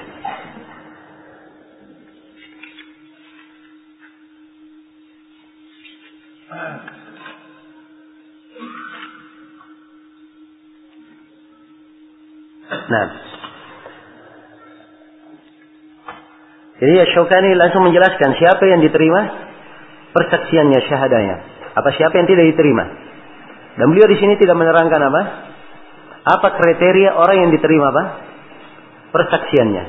Ya, beliau masuk dalam hal ini supaya apa? Beliau terangkan orang-orang yang tidak boleh diterima persaksiannya. Baik, kita terangkan dulu ya apa yang disebut oleh Syukani yang tidak diterima. Kemudian kita akan balik menjelaskan apa syarat ya persaksian itu diterima. Kata beliau wala tuqbalu syahadatu man laysa bi'adl. Tidak diterima persaksian orang yang apa? Orang yang tidak adil. Nah, sebab ini disyaratkan dalam Al-Qur'an wa asyhidu dawai adilin minkum. Dan persaksikanlah orang yang adil di antara kalian. Dan Allah firman mimman tardawna minasyuhada. Dari siapa yang kalian ridhai sebagai saksi. Dan ini disepakati oleh para ulama tentang syarat. Apa namanya? Orang yang adil. Orang yang tidak adil tidak diterima apa? Persaksiannya. Demikian pula kata beliau. Walal kha'in. Dan tidak diterima persaksian orang yang berkhianat. Waladil adawah. Dan tidak pula diterima persaksian orang yang apa? Orang yang memiliki permusuhan. Ya. Jadi kalau ada permusuhan antara dua orang, ya, misalnya, ya, di pengadilan ada yang dituntut, ada yang menuntut. Maka si penuntut ya mendatangkan saksi. Saksi ini ya dikenal dia bermusuhan dengan apa? Orang yang dituntut. Maka ini si saksi tidak boleh diterima sebab dia apa? Memiliki permusuhan dengan orang yang dituntut. Nah,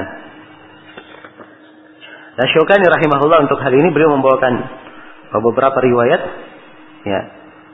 Tapi hampir seluruh riwayat yang beliau sebutkan ini ada kelemahan di dalamnya dan beliau ya berdalilkan dengan hal ini apa yang datang dari apa namanya umuman syariat dan kesepakatan di dalam hal ini. Baik. Kemudian al-muttaham, al-muttaham juga tidak apa? Diterima persaksiannya. Al-muttaham itu adalah orang yang berdusta dalam pembicaranya kepada siapa? Kepada manusia. Nah, ini juga tidak diterima persaksiannya. Kemudian kata beliau al-qani li ahli bait. Iya. Al-qani li ahli bait ini ada dalam sebagian riwayat yang menunjukkannya. Ya wala yajuzu syahadatul qani li ahli bait. Ya. Pada hadis Amr bin Shu'aib dari ayahnya dari kakeknya. Dari ayahnya dari kakeknya. Nah, dan hadis ini dihasankan oleh Syekh Al-Albani dari seluruh jalan-jalannya. Ya, kita baca nas hadisnya. Kata beliau la tajuzu syahadatu kha'in wala kha'inah wala di gimrin ala akhihi wala yajuzu syahadatul qani li ahli bait ya tidak boleh. Ada persaksian orang yang berkhianat. Laki-laki yang berkhianat wala khaina dan perempuan yang berkhianat. Wala di gimrin ala akhihi dan tidak boleh pula ada persaksian orang yang punya dendam atau punya masalah dengan saudaranya. Itulah yang dibahasakan oleh Syafi'i dengan permusuhan. Wala yajuzu syahadatul qani li ahli bait. Dan tidak boleh ada persaksian orang yang diberi nafkah oleh apa? Ahlul bait. Ahlul bait. Jadi ahlul bait memberi nafkah kepadanya, kemudian dia memberikan persaksian untuk ahlul bait tersebut, maka ini tidak diterima. Sebab cenderung apa? Cenderung dia hanya menguatkan orang. Ya, hanya menguatkan orang walaupun tanpa hak. Nah. Kemudian kata beliau rahimahullah wal qadhif. Ya. Wal qadhif. Demikian pula al-qadhif, maksudnya al-qadhif orang yang pernah menuduh tanpa bukti. Yang menuduh orang berzina, lalu dia tidak punya apa? Tidak punya bukti. Maka orang yang dituduh ini akan datang nanti penjelasannya. Kalau dia tidak membawakan bukti, maka dia dicambuk berapa? 80 kali. Dan tidak diterima lagi persaksiannya. Allah firman, "Wala taqbalu lahum syahadatan abada." Dan jangan terima persaksian mereka selama-lamanya. Kemudian berikutnya kata beliau walal badawi ala sahibi qaryah. Dan jangan diterima persaksian seorang badui ya untuk apa? Untuk orang yang berada di desa orang yang menetap di sebuah desa atau menetap di sebuah negeri. Ya, maksudnya di sini seorang badui itu tidak boleh memberikan ya persaksian ya sebab dia dikenal dengan kejahilan terhadap hukum-hukum syariat ya dan mereka kebanyakannya ya kurang di dalam pemahaman agama dan tidak pandai menempatkan persaksian pada tempatnya. Nah, jelas ya? Dan hadis tentang hal ini ini disahihkan oleh Syekh Al-Albani. Hadis Abu Hurairah riwayat Abu Dawud dari Ibnu Majah. Nabi sallallahu alaihi wasallam bersabda, "La tajuzu syahadatu badawiyyin ala sahibi qaryah." Tidak boleh ada persaksian orang badui terhadap apa? Orang yang tinggal di desa atau di negeri. Nah, jadi ini orang-orang yang tidak bisa diterima persaksiannya. Ya. Adapun persaksian itu, persaksian diterima dengan beberapa syarat. Syarat yang pertama, ya, orang yang bersaksi adalah orang yang balik. Ini syarat yang pertama.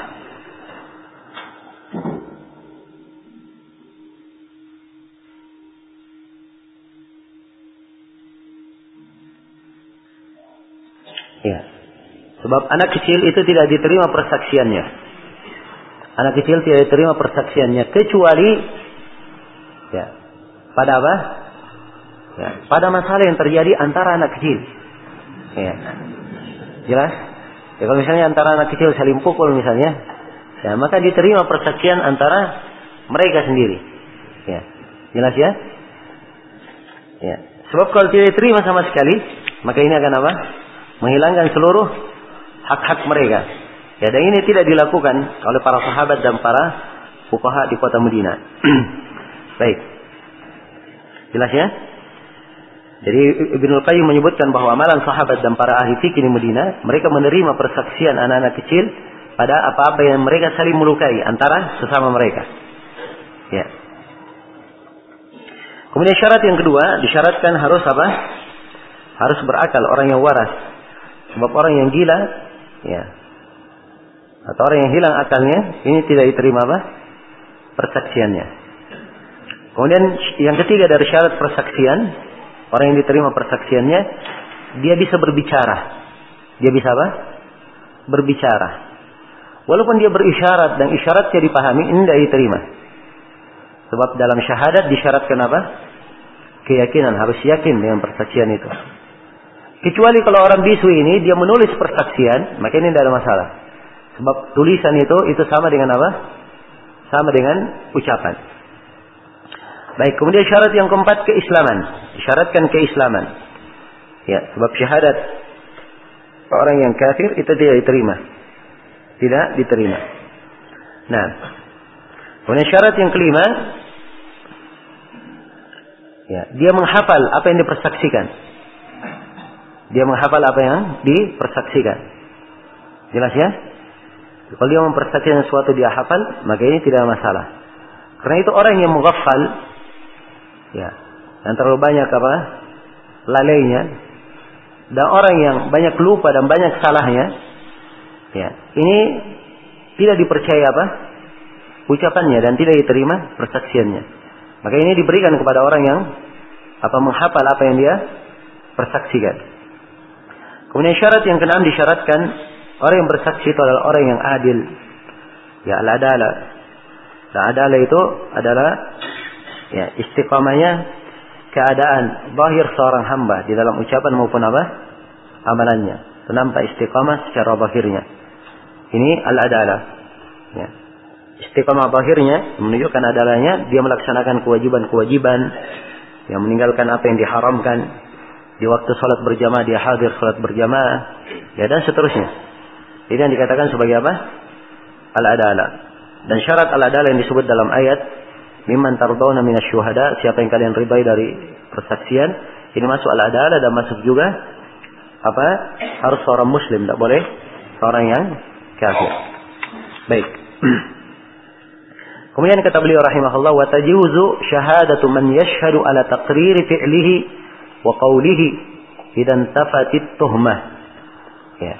Kata beliau dan boleh diterima syahadat persaksian orang yang mempersaksikan ya atas apa takrir fi'lihi orang yang mempersaksikan atas perbuatannya atau qawlihi atau ucapannya tapi Asy-Syaukani memberikan catatan, idan tafatit tuhma.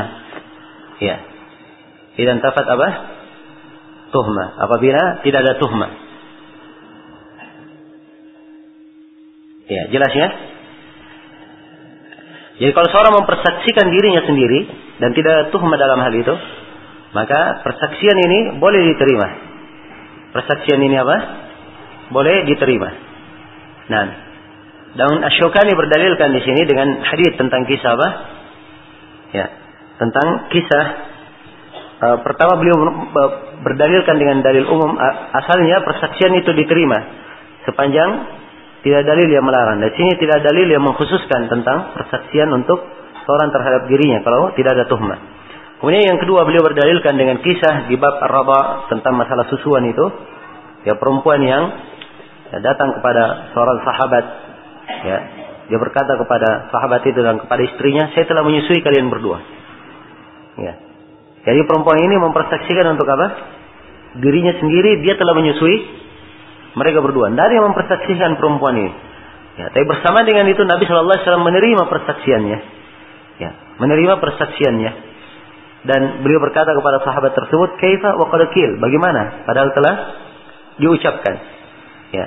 Jadi Nabi membangun hukum di atasnya Ya, karena ucapan perempuan ini maka kalian berdua itu haram untuk menikah. Harus apa? Harus berpisah. Jelas ya? Tapi Asyokani di sini mengingatkan bahwa syarat idan tafatit tuhma ini penting. Ya. Jadi kalau ada tuhma maka tidak diterima karena apa? Karena tuhma tersebut. Ya. Karena ada uh, apa? Bisa mengarah kepada kecurigaan ya tersebut. Ya, tapi kalau tidak ada hal itu maka insya Allah taala diterima. Ini yang diterangkan oleh Syukani rahimahullah. Kemudian berikutnya wa syahadatuz zur min akbaril kabair. Ya, dan persaksian az-zur dia mempersaksikan dengan saksi yang palsu ini dari dosa besar yang sangat besar. Ya. Dan ini tentunya hadits Anas bin Malik riwayat Bukhari dan Muslim menjelaskan tentang hal ini. Di mana Nabi Shallallahu alaihi wasallam menerangkan ditanya tentang dosa-dosa besar, maka beliau sebutkan Asyirku billah, perbuatan kesyirikan, wa qatlun nafs, membunuh jiwa, wa walidain, dan durhaka kepada kedua orang tua. Kemudian beliau berkata, Ala unabbi'ukum bi akbaril kabair, inginkah kalian saya terangkan tentang dosa yang paling besar? Ya, qauluz zur atau syahadatuz zur. Ucapan dusta, ucapan palsu atau persaksian palsu. Nah, dan di dalam hadis Abi Bakrah riwayat Bukhari dan Muslim Nabi Shallallahu Alaihi Wasallam tadinya duduk, apa tadinya bersandar, kemudian beliau duduk dan beliau berkata, "Ala wa qauluz zur wa syahadatuz zur." Ingatlah, dari dosa besar adalah qauluz zur dan apa? Syahadatuz zur. Terus beliau mengulanginya sampai kata Abu Bakrah, andai kata beliau ini apa? Beliau diam. Iya. Menunjukkan besarnya dosa orang yang memberikan persaksian dengan persaksian yang dusta. Ya, betapa banyak hak yang dia langgar karena perbuatannya tersebut. Nah. Kemudian kata beliau rahimahullah, "Wa idza ta'arada al-bayyinatani wa lam yujad wajhu at-tarjih, qusima al-mudda'a bain al-gharimaini." Ya, kata beliau, adapun kalau al-bayyinah ya, ta'arada bertentangan dua bayyinah. Dua bukti bertentangan. Walam yujad wajhu tarjih. Ya. Dan tidak diketemukan sisi tarjih antara keduanya, maka kusimal mudda'a. Ya. Kusima al mudda'a. Apa yang dipermasalahkan, ya kasus yang diperkarakan, yang diperkarakan ini dibagi menjadi dua. Antara al-qarimain, antara si penuntut dan yang apa? Yang dituntut. Nah,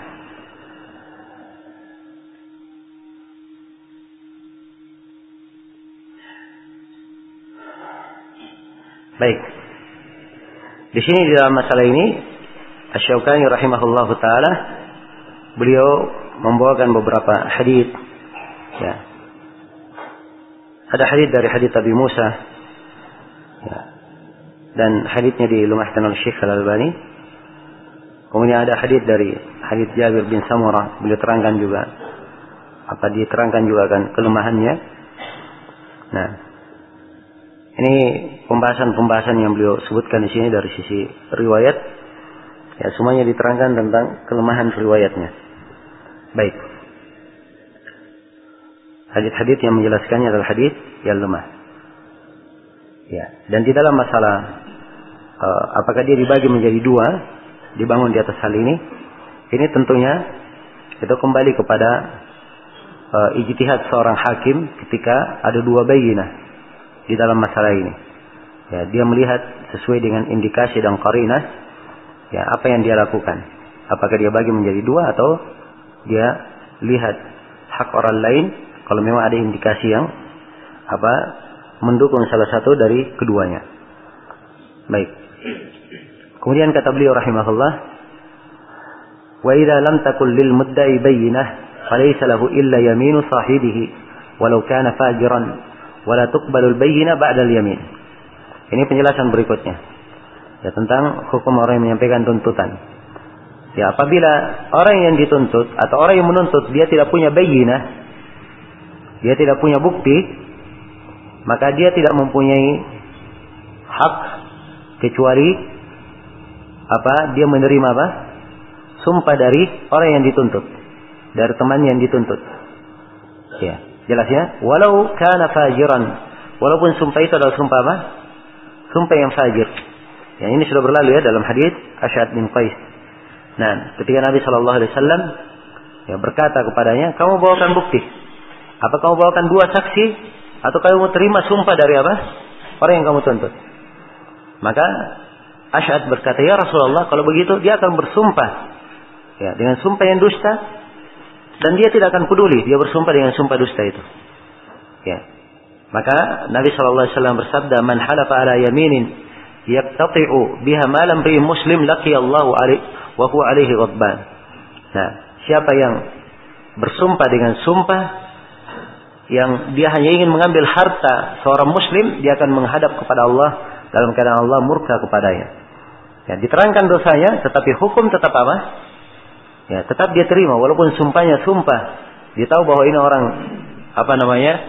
dusta dalam sumpahnya misalnya si si penuntutnya uh, mengetahui hal itu. Adapun hakim, hakim tidak bisa menentukan yang mana yang dusta yang mana apa tidak. Yang penting dia lihat apa? Dia lihat bukti yang ada di depannya. Ya, jelas? Ya. Dan saya misalnya menuntut seseorang, saya tahu bahwa orang ini apa? Dusta dalam hari ini. Tapi pengetahuan saya ini tidak cukup. Harus ada apa? Harus ada bukti. Saya tidak bisa mendatangkan bukti bahwa itu adalah milik saya. Maka dia cukup bersumpah bahwa itu adalah apa? Miliknya. Ya dia bersumpah. Dengan sumpahnya walaupun saya tahu bahwa dia dusta. Maka saya harus terlibat dengan keputusan hakim bahwa dia apa? Dia menang dalam hal ini. Jelas ya? Baik. Nah, sebab Nabi berkata, "Falaisa laka illa yaminu." Kamu tidak mempunyai kecuali apa? kecuali sumpahnya. Dan ini dari ketentuan syariat yang apa menggambarkan keadilan. Ya. Dan ini misalnya seperti kejadian yang saya tadi. Saya misalnya tahu bahwa ini orang dusta. Ini kejadian terjadi pada satu orang. Ya, saya saja misalnya. Tapi kalau misalnya tiap kali misalnya saya menganggap dia dusta dan hakim mempertimbangkan hal ini, maka betapa banyak hak yang lain apa? Yang akan terlantar dari orang yang dituntut, padahal tuntutannya adalah tuntutan yang apa? Tidak benar. Karena itu syariat memberikan hukum tetap ya di dalam masalah. Kalau misalnya ada yang dusta di dalam hal itu, maka itu urusannya antara dia dan antara Allah Subhanahu wa taala. Tapi hukum-hukum ini ini menjaga kemaslahatan di tengah manusia. Menjaga kemaslahatan secara pasti di tengah manusia. Ya. Kemudian kata beliau wala tuqbalu al-bayyina ba'da al-yamin. Ya.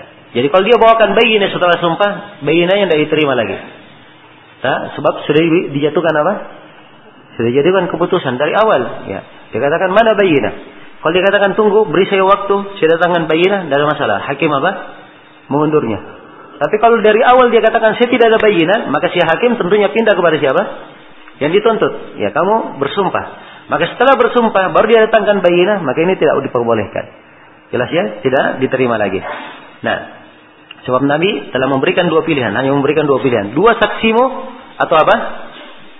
atau sumpahnya. Ya kalau dia ada dua saksi maka tidak ada sumpah. Kalau dia sudah sumpah maka dia diterima apa lagi?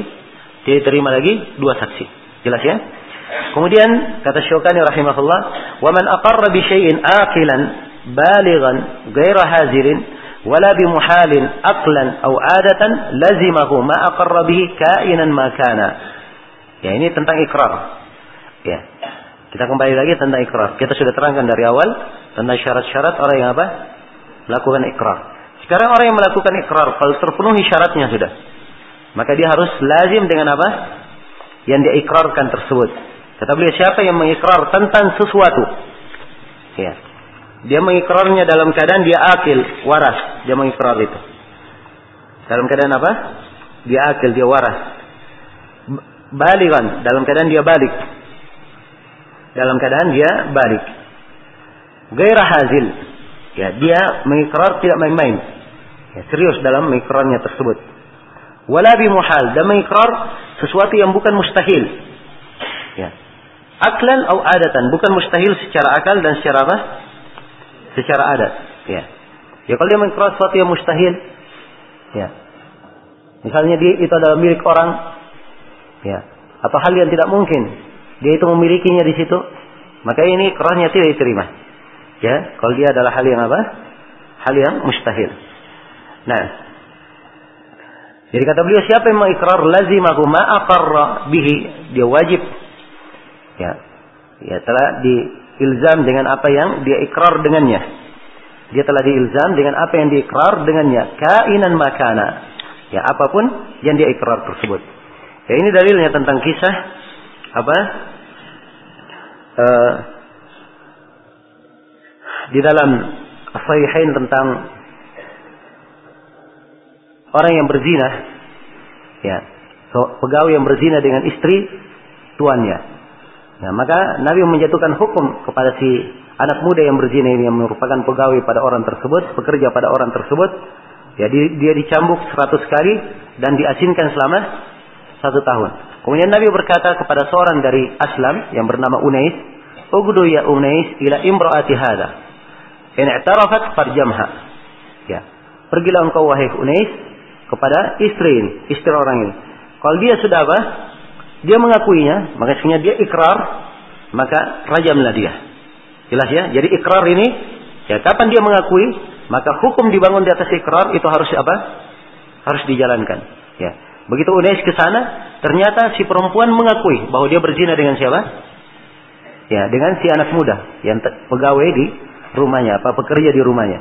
Jelas? Maka karena dia sudah menikah, perempuan sudah menikah, hukumnya apa terhadapnya? Dihukum rajam. Maka ia pun dirajam. Ya, ini hukum rajam ditetapkan terhadapnya karena dia apa? Dia mengakui perbuatannya, ikrar terhadap dirinya. Maka kapan dia mengikrar pengakuan ini? Ya, konsekuensinya dilaksanakan. Ya, apa pun yang diakui. Jelas ya? Kemudian kata beliau wayat fi marratan wahidah min ghairi farqin baina mujibatil hudud wa ghairiha kama sayati. Dan cukup satu kali dia mengikrar. Dia mengatakan iya walaupun sekali maka itu sudah cukup. Ya tanpa membedakan antara mujibat al-hudud. Apa-apa yang wajibkan dia diberi hudud. Apa karena zina, karena mencuri, karena yang lainnya. Dia mengikrar berzina, ikrar mencuri, dia ikrar membunuh, ataupun yang lainnya. Ini tidak ada perbedaan. Sebagaimana yang akan datang di penjelasan tentang apa? Tentang al-hudud. Baik ini sejumlah masail ya. Yang berkaitan dengan khusumah bukti dan pengakuan. Ini pembahasan-pembahasan yang terkait ada sembilan pembahasan di sini dan uh, telah kita terangkan semuanya. Baik untuk sementara cukup dalam di sini insyaallah salah kita sambung lagi sebelum zuhur atau jam 10 ya setengah sembilan atau jam 10 insyaallah. Subhanakallahumma bihamdik asyhadu an la ilaha illa anta astaghfiruka wa atubu ilaik walhamdulillahi rabbil alamin.